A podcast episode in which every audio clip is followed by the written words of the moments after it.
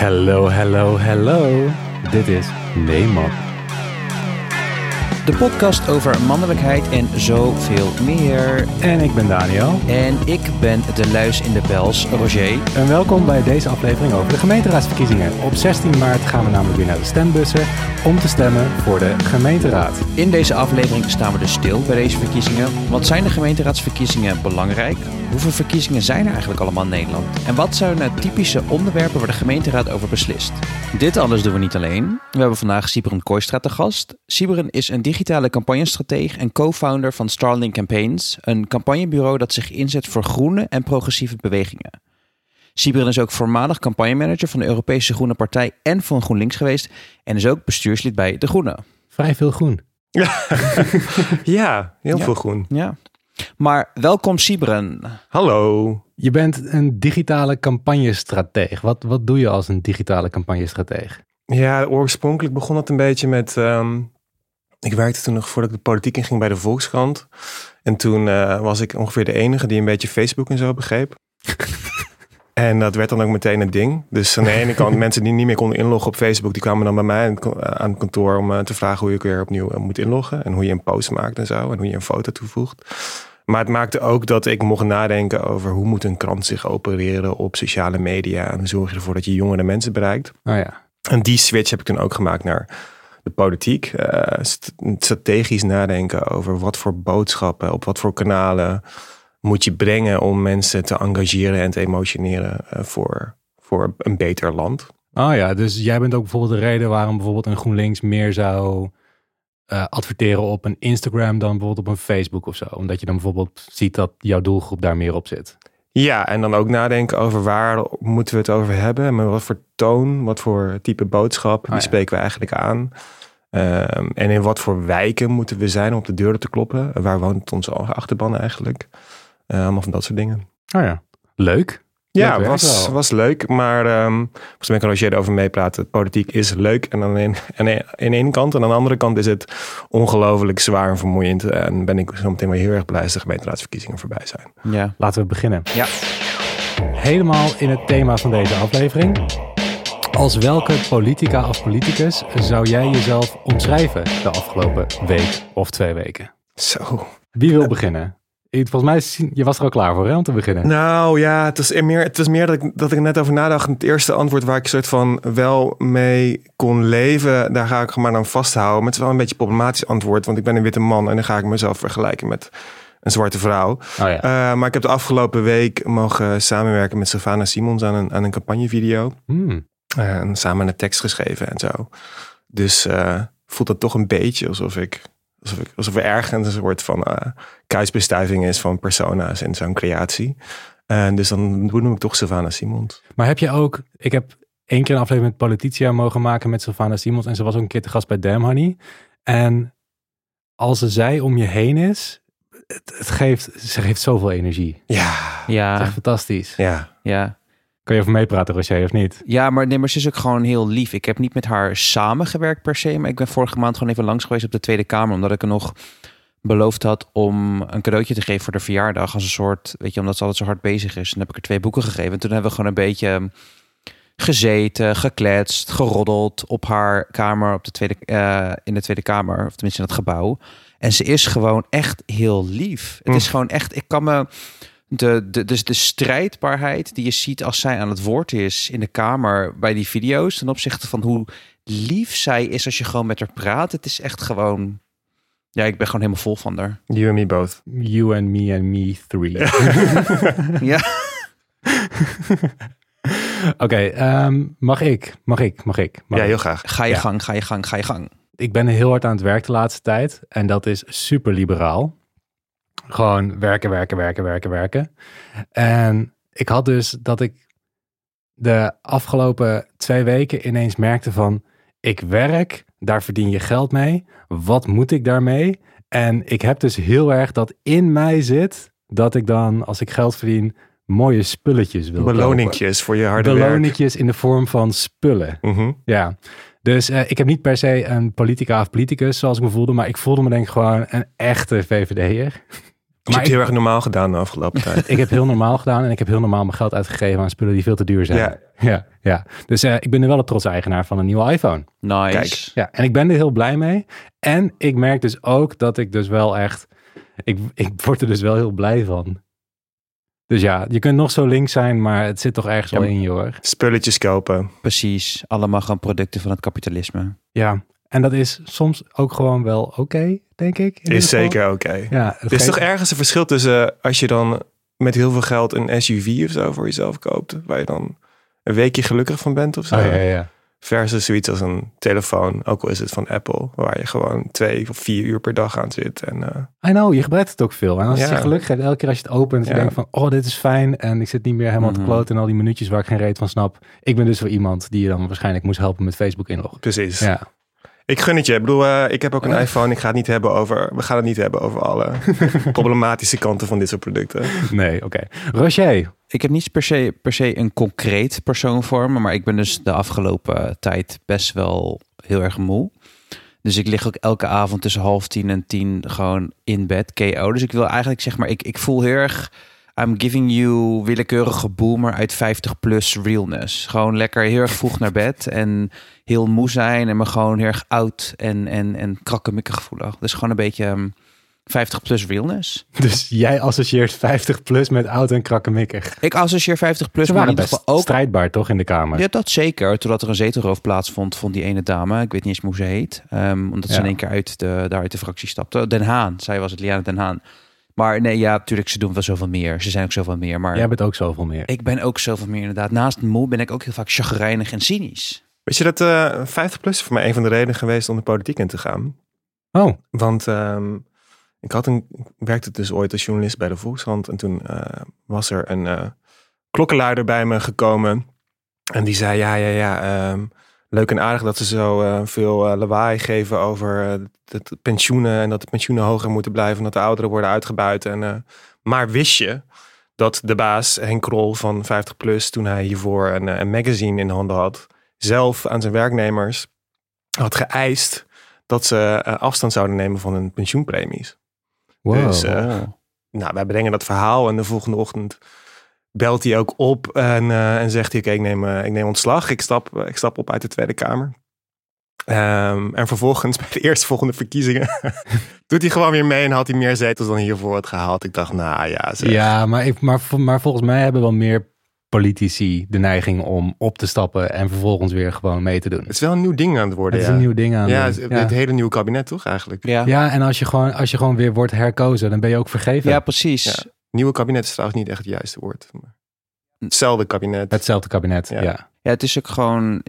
Ik heb ook altijd bij dat soort. Ik vind dat het best wel boosmakend, maar dat soort. Dat laat ik gewoon zien. Dat soort types zijn gewoon eigenlijk untouchable op een manier. Ze, ze, ze, en ze weten dat ze er ondertussen mee wegkomen. Maar goed, laten, Laten we doorgaan. laten we doorgaan naar de lokale politiek. Vertel me meer, vertel me meer. Meer. De gemeenteraadsverkiezingen komen er dus aan. Maar eh, we gaan dit jaar stemmen. We hebben vorig jaar gestemd. En er zijn meerdere verkiezingen in Nederland. Dus we gaan nu even terug naar de basis. En kijken we naar het kieslandschap, om het even zo te noemen, van Nederland. In Nederland zijn er zes verkiezingen. Waarbij burgers en inwoners in vijf verkiezingen kunnen stemmen. Deze verkiezingen zijn de Tweede Kamerverkiezingen. De Eerste Kamerverkiezingen. De Provinciale Statenverkiezingen. De Waterschapsverkiezingen. De Gemeenteraadsverkiezingen. En de Europese verkiezingen. Het zijn er best wel wat. Bij de Tweede Kamerverkiezingen kiezen Nederlanders de volksvertegenwoordigers van de Tweede Kamer. En dit is wat we in maart 2021 hebben gedaan. Bij de Eerste Kamerverkiezingen kiezen de leden van de Provinciale Staten de leden van de Eerste Kamer. Dit is de enige, verkiezingen, enige verkiezing in Nederland waar burgers en inwoners geen directe invloed hebben op de verkiezingen. Maar er is wel indirecte invloed mogelijk, namelijk via de Provinciale Statenverkiezingen. Bij deze verkiezingen kiezen de inwoners van de verschillende provincies welke leden in de provinciale staten komen. En deze leden kiezen vervolgens dus weer de leden van de Eerste Kamer. Dan hebben we nog de waterschapsverkiezingen. Ik denk ook wel dat dat de verkiezing is waarbij de meeste mensen denk ik van waar stemmen we eigenlijk voor? Bij de waterschapsverkiezingen kiezen de inwoners van een waterschap de leden van het algemeen bestuur. Waterschappen in Nederland zorgen voor de waterhuishouding. En zo zorgen zij voor het beheer van dijken en sluizen, de juiste waterstand en voor zuivering van afvalwater. Er zijn 21 waterschappen in Nederland. Bij elke waterschap heeft, heeft een gekozen algemeen bestuur en een dagelijks bestuur. Beide besturen worden altijd voorgezeten door een dijkgraaf of een watergraaf. En zo'n watergraaf dat klinkt altijd super epic, Mm. vind je niet? Zeker. Ja, zo, ja gewoon een soort krijg je meteen Count Dracula-achtige vibes. ja, precies. Ja. Dat algemene bestuur van een waterschap is dus is vergelijkbaar met de gemeenteraad. En daar worden mensen voor verkozen voor een termijn van vier jaar, als ik het me goed herinner. En bij de gemeenteraadsverkiezingen, waar we het nu over gaan hebben, dan kiezen de inwoners van de gemeente de raadsleden die in de gemeenteraad komen. En daar gaan we dus eh, komende week voor stemmen. Oké, Sibren, zijn de gemeenteraadsverkiezingen belangrijk? Ja, aan de ene kant moet je natuurlijk ja zeggen, want eh, democratisch recht en, ehm, en eh, je wilt de mensen gaan stemmen. Eh, maar voor een deel is het ook echt waar. Dus mensen denken bij gemeenteraadsverkiezingen vaak, of bij de gemeente, vaak aan, aan hondenpoep en gemeentebelastingen Ja. en horecavergunningen. Maar gemeentes gaan over zoveel meer. Het heeft invloed op hoeveel huizen er gebouwd worden en wat de verhouding is tussen sociale huurwoningen en villa's. Waarvan ik denk dat veel luisteraars, in ieder geval ik, eh, wel merken dat het toch een van de belangrijkste onderwerpen aan het worden is. Eh, hoe kan het toch zijn dat eh, je eigen stad onbetaalbaar wordt? Mhm. En het gaat ook over kleine, tussen aanhalingstekens, dingen zoals nou, als je in een park een bankje neerzet, kan een dakloze daarop slapen. Of worden daar schotjes tussen gezet, zodat de dakloze daar niet op kan slapen. Ehm, het gaat over of je ehm, ruimte maakt voor asielzoekers of niet. Het gaat over of ze eh, onderzoek doen en excuses doen over slavernijverleden of Ah, ja. niet. Ja. Ze investeren in cultuur of niet. Ehm, en eh, heel erg belangrijk en heel erg praktisch over het algemeen is de ruimtelijke ordening. Dus de hoeveel ruimte er gegeven wordt aan fietsers versus, eh, en voetgangers versus coureurs. En hoeveel ruimte er gegeven wordt aan parken en, en ruimte om te chillen in plaats van bedrijventerreinen. Oh ja. Maar, en ja, ook niet, bedenk me nu dit eh, opeens, maar we hadden vier jaar geleden, toen ik nog bij GroenLinks zat, onderzoek gedaan naar hoeveel CO2-uitstoot eigenlijk door gemeentes, eh, gemeentelijk beleid beïnvloed kan, eh, kan worden. Dat is ongeveer een derde van de CO2-uitstoot die we Mhm. moeten verminderen in, in Nederland. Dus ook daar kunnen gemeentes een heleboel doen. Oh ja. En ik weet niet of je dat weet hoor, maar ehm, bijvoorbeeld zo'n gemeente als Amsterdam. Ik, heb het, ik had het laatst wel gelezen, maar die heeft bijvoorbeeld een, een budget of een begroting waar je echt u tegen zegt. Mm. Dus de, de- wa- waar je voor kiest en de beslissingen die genomen gaan worden, gaat wel over serieus veel geld. Ja, het gaat over heel veel geld. Maar daar zit een grote maar van gemeenteraadsverkiezingen. Namelijk dat ehm, eh, de afgelopen 10, 20 jaar is er een soort van de kaasschaaf overheen gegaan over wat voor geld gemeentes nog krijgen. Want de gemeentes krijgen het meeste geld via stromen van de Rijksoverheid Oh ja. om hun beleid uit te voeren. En ze hebben wel meer verplichtingen gekregen. En daarmee eh, in zekere zin meer vrijheid. Dus ze gaan ook over jeugdzorg en zo, en over bijstand. Oh ja, dat komt door de decentralisatie, toch? Precies, ja. Ja. En daar gaat steeds minder geld in om. Dus eh, waar je eigenlijk voor een hele hoge mate voor kiest, is wat voor damage control je wil in je gemeente. Eh, want het neoliberaal jukbewind van Rutte gaat ook gewoon door in wat voor keuzes gemeentes moeten maken. Oh ja. En dat zijn lastige keuzes, steeds vaker hele lastige keuzes. Ehm, en sommige gemeenten proberen dat meer, eh, ja, meer damage control te doen eh, dan andere. Oh ja, het is een beetje, je kunt een beetje vergelijken met een soort koopkrachtdaling die we, die we nu hebben. Dat, dat ja, je hebt veel budget, dat is ongeveer hetzelfde gebleven, maar je kunt er minder mee doen omdat je veel meer. Ja, ja. Ja. dat is een andere vergelijking. Misschien is ehm, dat ik mijn hele leven, en jij misschien ook, wij allemaal hier opgegroeid zijn met het, met het verhaal dat je alles kunt worden wat je wil. Ja. Hartstikke mooi. En eh, ga studeren wat je wil. En eh, ga je hobby's achterna, je passies achterna. Maar wat ze er niet bij vertelden, is dat in de tussentijd de hele wereld kapot gemaakt zou worden. en en en dat de gemeentes mogen alles doen wat ze mogen meer doen wat, dan ooit. eh, maar wel met minder, minder middelen en meer problemen. Ja, precies. Maar dat is wat je zegt, eh, de, mm, eh, dat we allemaal eigenlijk de millennials meegegeven dat we kunnen worden wat we willen. Dat is ook waar D66 de afgelopen verkiezingen toch ook mee gepromoot heeft. Dus de zogenaamde Nederlandse droom.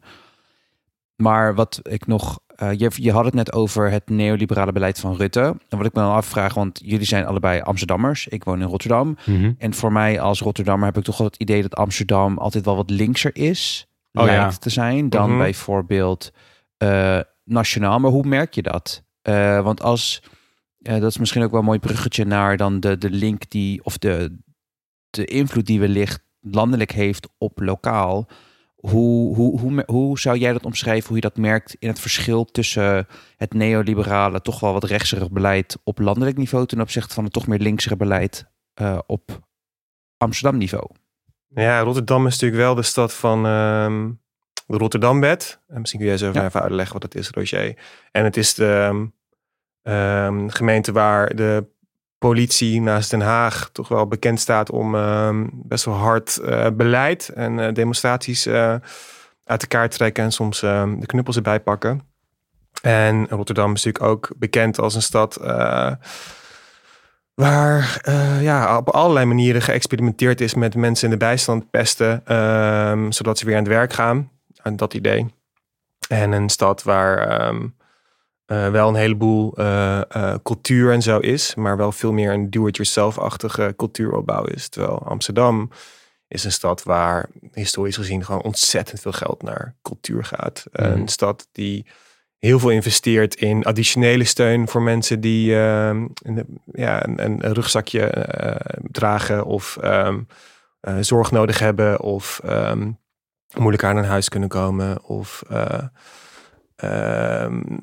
kinderen die eh, heel graag eh, muziekschoolonderwijs willen hebben, maar dat niet kunnen betalen, dat eh, de gemeente dan het mede voor zorgt dat er erg volgens mij is in Amsterdam Noord een school waar 5000 eh, kids die wiens ouders muziekonderwijs niet kunnen betalen, dat de kids gewoon eh, alsnog muziekonderwijs kunnen krijgen.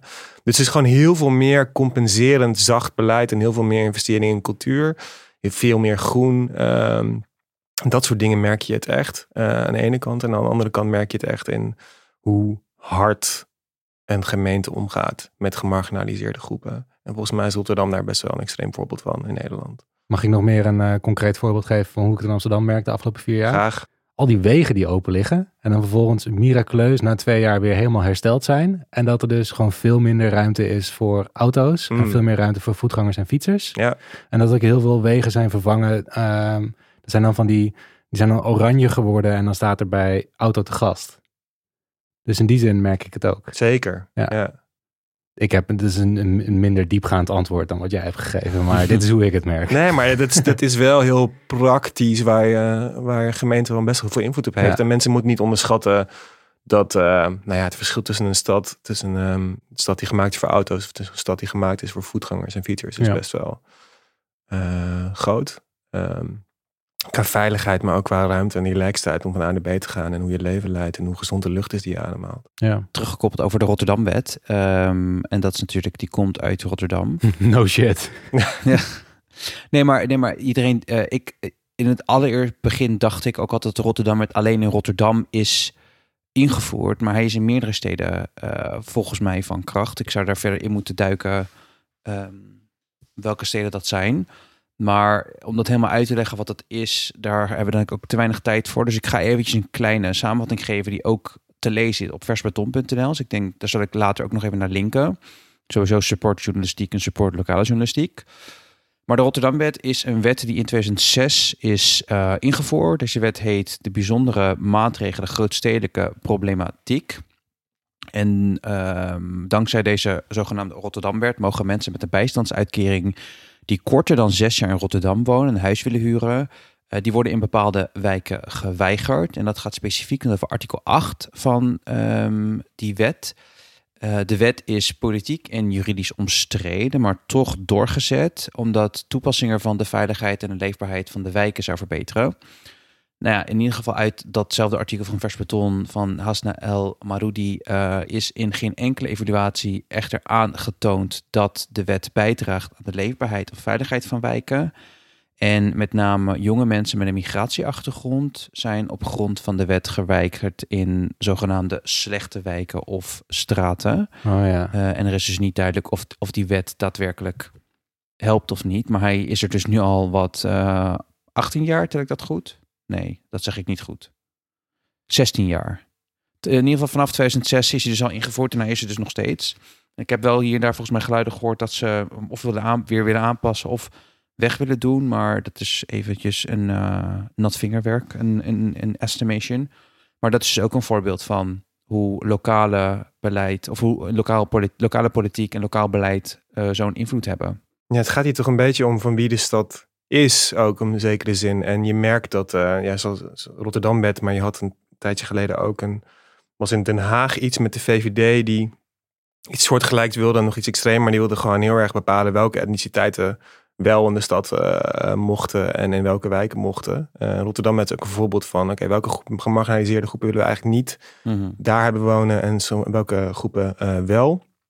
En ehm, als je kijkt naar woningbouw bijvoorbeeld. Ja, en Amsterdam is daar een heel erg stevig voorbeeld van. Op het moment dat we nog meer eh toplagen, tussen aanhalingstekens middenhuur, huizen blijven bouwen, dan je ziet het nu al gebeuren dat eh, de stad eigenlijk een stad voor expats aan het worden is. Voor Oh ja. mensen die, eh, die een hele andere inkomensklasse hebben dan de mensen die er nu wonen.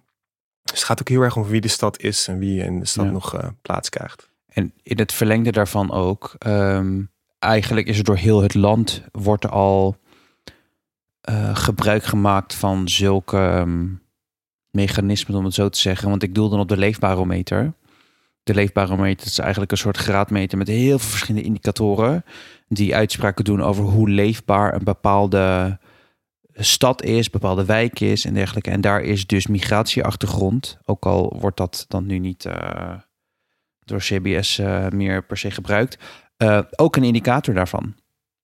Dus migratieachtergrond bepaalt ook hoeveel, hoe leefbaar een bepaalde wijk is. En dat wordt door heel Nederland Oh ja. gebruikt. Als je gewoon opzoekt, eh, je moet er wel even wat meer daarvoor eh, op de website. Je moet, je moet er wel wat meer voor induiken eh, op de website van een leefbarometer. Maar ook daar komt dat naar voren.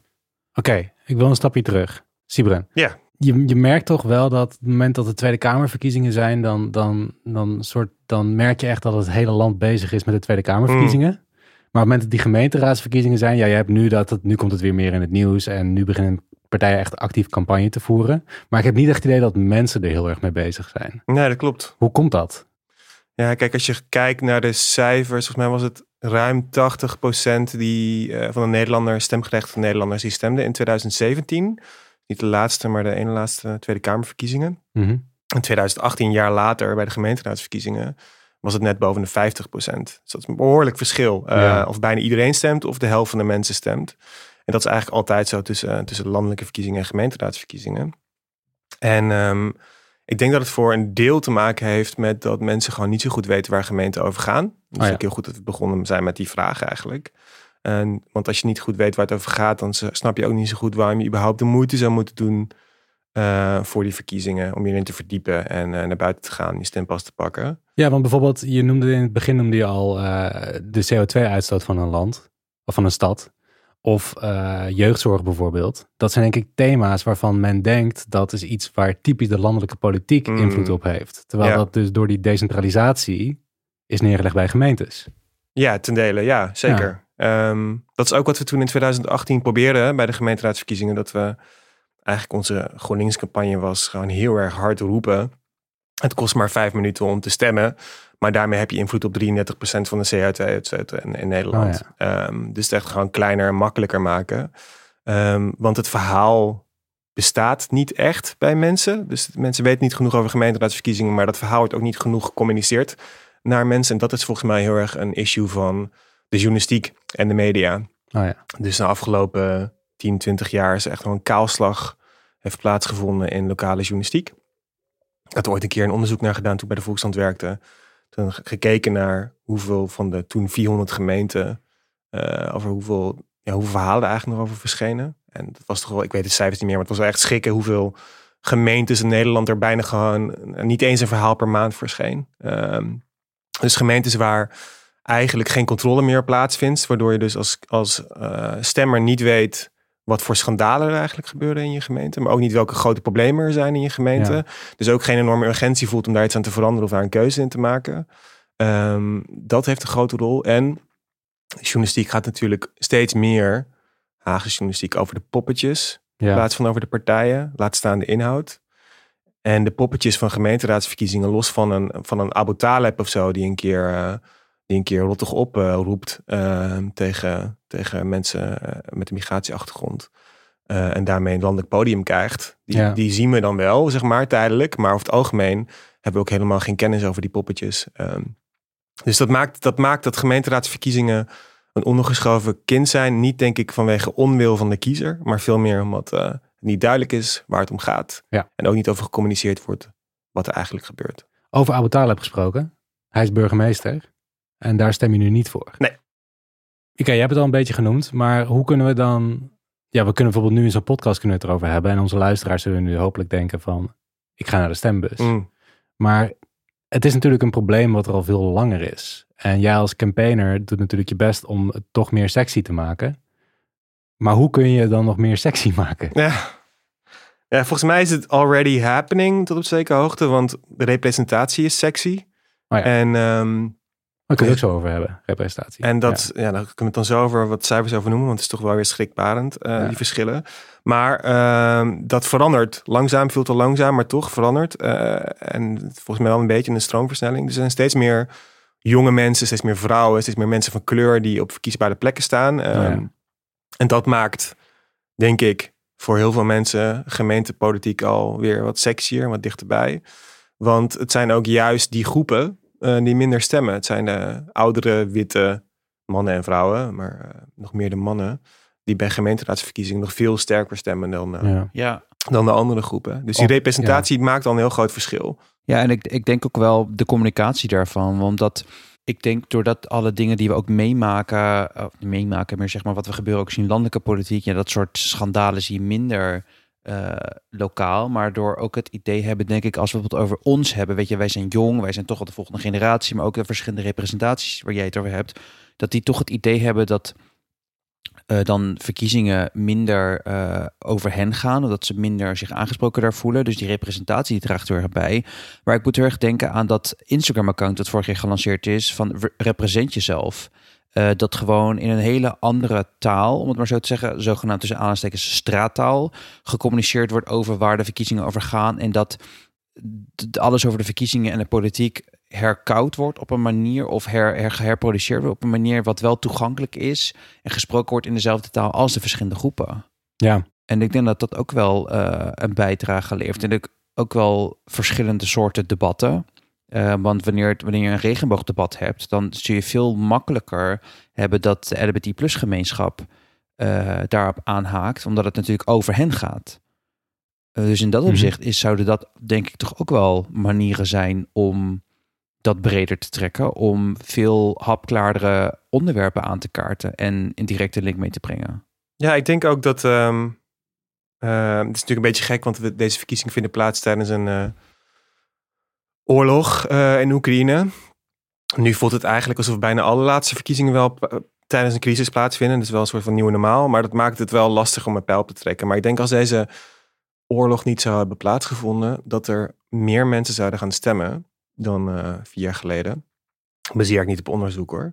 Maar baseer ik op het feit dat, eh, dat er ja, onderwerpen urgent zijn geworden. Zoals wonen, maar ook politiegeweld. Ehm, en, eh, en die kennis daarvan, het weten dat het belangrijk is en dat de gemeente er invloed op heeft, die, eh, dat is al een behoorlijk verschil tussen niet weten waar de gemeente over gaat en weten dat je invloed kunt hebben ja. op de gemeentes. En een ander groot verschil is, ja, wat ik net zei, die representatie. Er zijn gewoon veel meer jonge, bewogen mensen eh, op, op de lijst. En niet op de vierde plek per se om er een beetje bij te zitten, maar op nummer één of nummer twee. Om, te, om de lijnen te bepalen. Ehm, en in mijn werk destijds bij GroenLinks was dat dan ook wel, waar Rocher het net over had, onderdeel van het sexier maken van politiek. Was nou, zorg ervoor dat je daar spreekt waar mensen luisteren. Op Ja. hun sociale media platforms.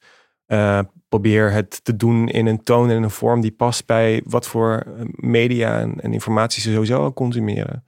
Eh, en probeer het aan te sluiten op die identiteit en de geleefde levens en problemen en hopen en emoties van, eh, van mensen. Het is niet ingewikkelder dan dat, maar dat is volgens mij sowieso essentie van goede politieke eh, marketing en politieke strijd. En daar maak je een behoorlijk verschil mee. Ja, over, over die representatie is. ehm, wat je vaak merkt is. eh, als mensen gaan stemmen, is dat je. Er wordt vaak gewoon gekeken naar welke partij er bij je past. En dan wordt er vaak niet verder gekeken naar de personen die op de lijst staan van die partij.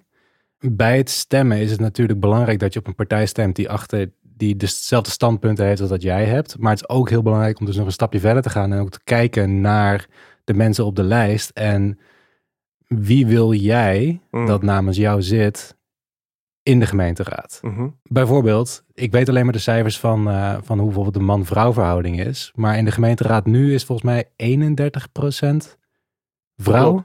Ja. En ja, de rest man. En dan Ja. zal het voornamelijk witte man zijn. Ja, ik zal nog één cijfer noemen, wat recent eh, ook bekend is geworden, dat er nu 33.000 mannen verkiesbaar zijn voor de gemeenteraadsverkiezingen en 15.000 vrouwen. Holy. Dat is behoorlijk verschil, maar het wordt nog iets erger. Drie kwart van de lijsttrekkers is man en een kwart is vrouw. Ehm, dus we zijn er nog niet. Nee. Daarom zijn initiatieven zoals Stem op een Vrouw eh, ongelooflijk belangrijk Ja. eh, en invloedrijk. Want ze hebben nou, bij meerdere verkiezingen laten zien dat ze ervoor gezorgd hebben dat er meer vrouwen eh, in de Tweede Kamer bijvoorbeeld Ja. zijn gekomen. En dat is pre- precies zoiets waar je over moet nadenken bij gemeenteraad. Van, nou, wil ik er wel echt een nummer één? Of wil ik nou echt wel weer een man op? Ja. Wil ik een vrouw extra in de gemeenteraad krijgen? Ja. En daar zou ik echt even het Instagram-kanaal Twitter-kanaal, de website van Stem op een Vrouw eh, eh, checken over wat je dan het beste kunt, eh, Ja. kunt doen. Om ervoor te zorgen dat die representatie eh, ja, hopelijk iets beter is dan de cijfers die ik net noemde.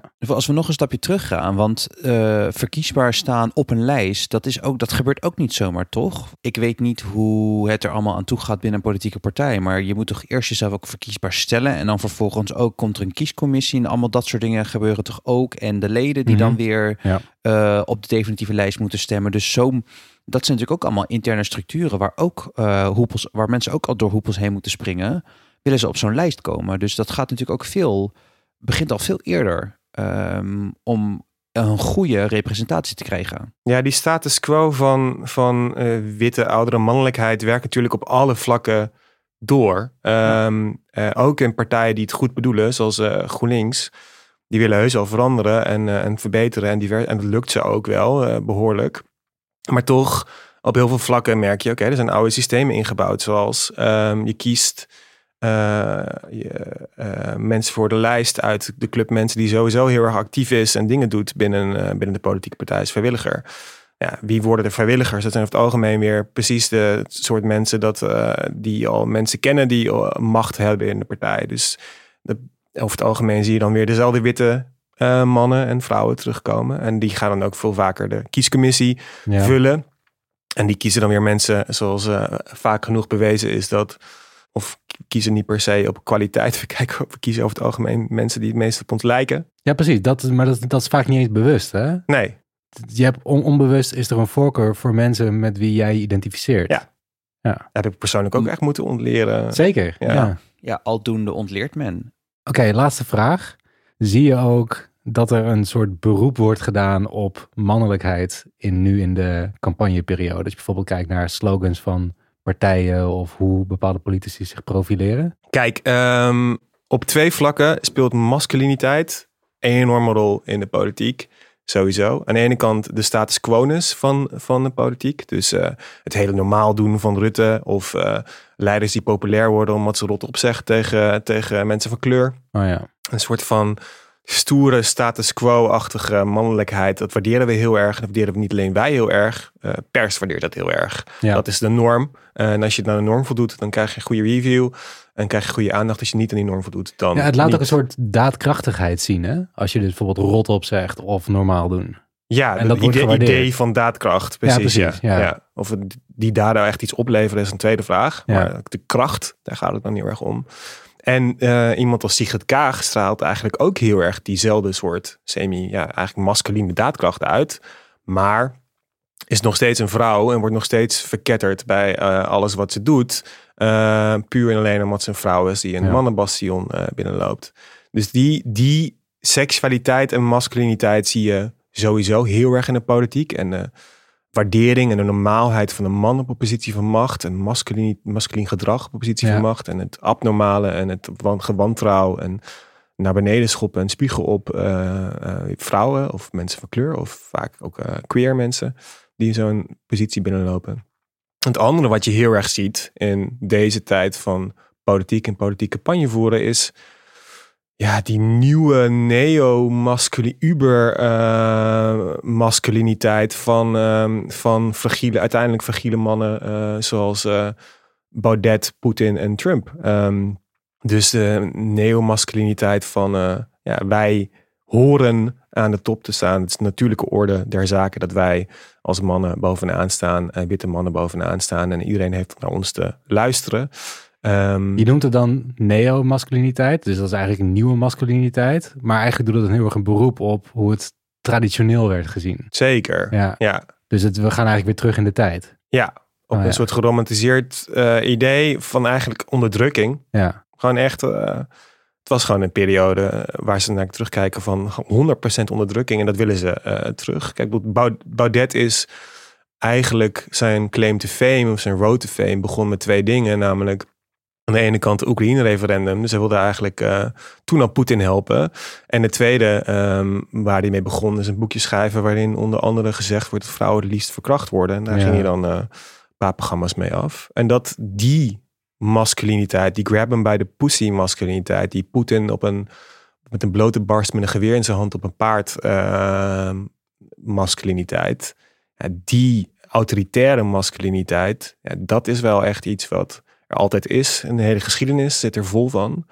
Maar ehm, wat nu al heel erg hard aan terugkomen is. ehm, dat zag je ook bijvoorbeeld dat Baudet op een gegeven moment op Twitter had geplaatst. Hoeveel genders ben jij vandaag? ja, Stemforum voor Democratie. Ja.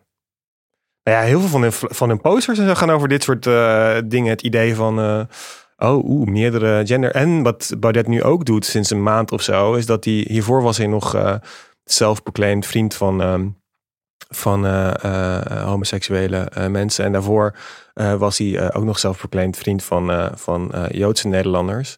Toen bleek hij toch wel heel erg antisemiet te zijn. En nu strooit hij op Twitter allerlei ja, gewoon van die kinderachtige, puberale, masculine schelden Ja. van gay of homoseksualiteit als een vorm van femininiteit, van zwakte. Het is heel, ehm, het, is, eh, het is schrikbarend om te zien. Het is schrikbarend hoe succesvol en hoeveel waardering ervoor is. En hoeveel man ik ook ken die daarvoor aan het gaan zijn. En het is ook ergens schrikbarend hoe erg het lijkt op de idiote, fragiele, puberale masculiniteit die ik kende van mijn middelbare school. Ja. Eigenlijk alles wat ik je hoor zeggen, dat is dan gewoon weer de heropkomst van conservatisme. De conservatieve blik op het leven, de conservatieve blik op gender, de conservatieve blik op hoe dingen zouden moeten zijn.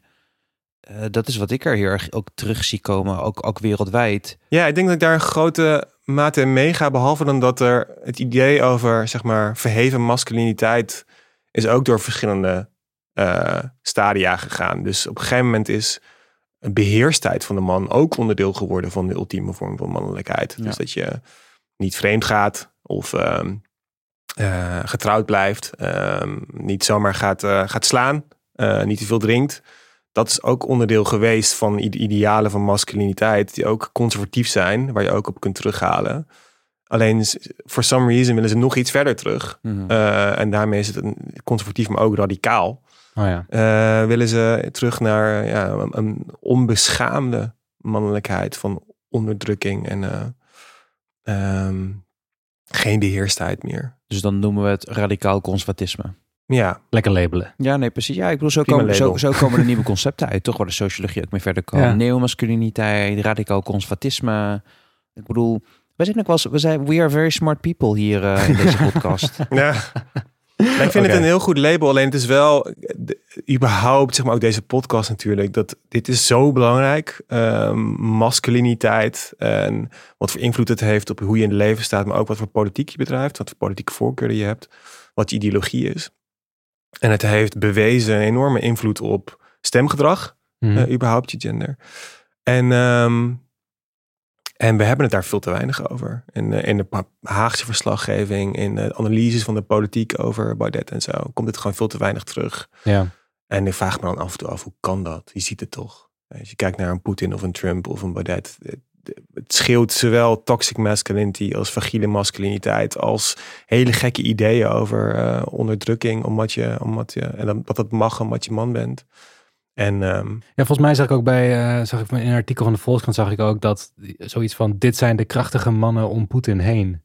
Ja, Dus zoiets, zoiets dat je denkt van, ja, hoe kan dit? Ja, maar die journalistiek is ook nog, ja, het is ook overal Ja. het idee van, van kracht en daadkracht is goed leiderschap, is Ja. masculiniteit, is geen zwakte laten zien. eh, is ook dezelfde reden waarom, denk ik, eh, mensen zoals Mark, eh, Mark Rutte weg kunnen komen met het ene schandaal naar het andere. Ja. Omdat hij zichzelf niet zwak maakt vervolgens. Eh, en dan denken journalisten op een gegeven moment van, oh ja, oké, prima. Dan Ja. eh, hoort het er blijkbaar bij. Sterke leider. Eén kleine toevoeging nog, want ik denk wat ook een rol speelt, is dat we ook in het tijdperk zijn gekomen van eh, ook een radicale vorm van online bedreigingen, doxing en dergelijke, waardoor, ik ook durf te wedden dat er misschien best wel mensen zijn die de, de, de politiek willen analyseren op de manier zoals jij het benoemt, Cypren, maar tegelijkertijd zichzelf ook niet een, een doelwit willen maken voor hordes van trollen en doxing en we komen natuurlijk ook uit een tijdperk vandaan van het vizier op links. Dus dat soort dingen gebeuren ook nu, waardoor het ook. Waardoor ik deels wel kan snappen waarom bepaalde journalisten misschien ervoor kiezen. Nou ja, ik wil mijn veiligheid niet, niet in het geding brengen. Hmm, Ja. hmm. Dat speelt natuurlijk ook bij ehm, wie zich kandideert voor eh, gemeenteraadsverkiezingen. Ja, Want als jij als jonge, jonge vrouw van kleur op de lijst gaat staan, dan weet je. Bijvoorbeeld het artikel, ik, hoop dat jullie allemaal, de luisteraars ook allemaal gelezen hebben van de Groene Amsterdammer over online vrouwenhaat. Eh, Oh ja. En hoe Sigrid Kaag, Savannah Simons en, eh en Kauthar, hoe die gewoon, Butchaliet, hoe die ongelooflijk veel haat eh krijgen. Ja, dat doet echt wat met de mens. En als jij dat als buitenstaander ziet, en je ziet het als jonge vrouw gebeuren, en dan denk je ook nog even een keer extra na en terecht Mhm. over of je jezelf wil gaan kandideren. Eh, want je weet wat je kunt, eh, kunt ontvangen. we zullen het linken in de show notes. Het artikel over online vrouwenhaat van de Groene Amsterdammer. Dit was aflevering 4 van Neeman. Vergeet alsjeblieft niet te stemmen. We hebben hier eh, echt kunnen benadrukken, denk ik zelf, waarom ook de gemeenteraadsverkiezingen belangrijk zijn. Dus zorg ervoor dat je je stempas niet weggooit. Eh, neem hem mee, neem je idee mee en ga lekker stemmen op de woensdag 16 maart. Side note, je kunt op maandag en dinsdag kun je al stemmen. Dus het is verspreid over drie dagen. Over stemmen gesproken, je kan ook stemmen op deze podcast. In de zin van hoeveel sterren je het geeft. Doe dat, leuk. En laat er meteen een tekstje bij achter, een recensie van wat je ervan vond. Helemaal goed. Nou, dan bedanken wij jullie heel graag voor het luisteren van deze aflevering. En we zien jullie graag de volgende keer weer terug. Sibren, jij ook bedankt hè. Nou, jullie bedankt. Oké, Tot de volgende keer. de groetjes. Doei doeg. Doei. Doei.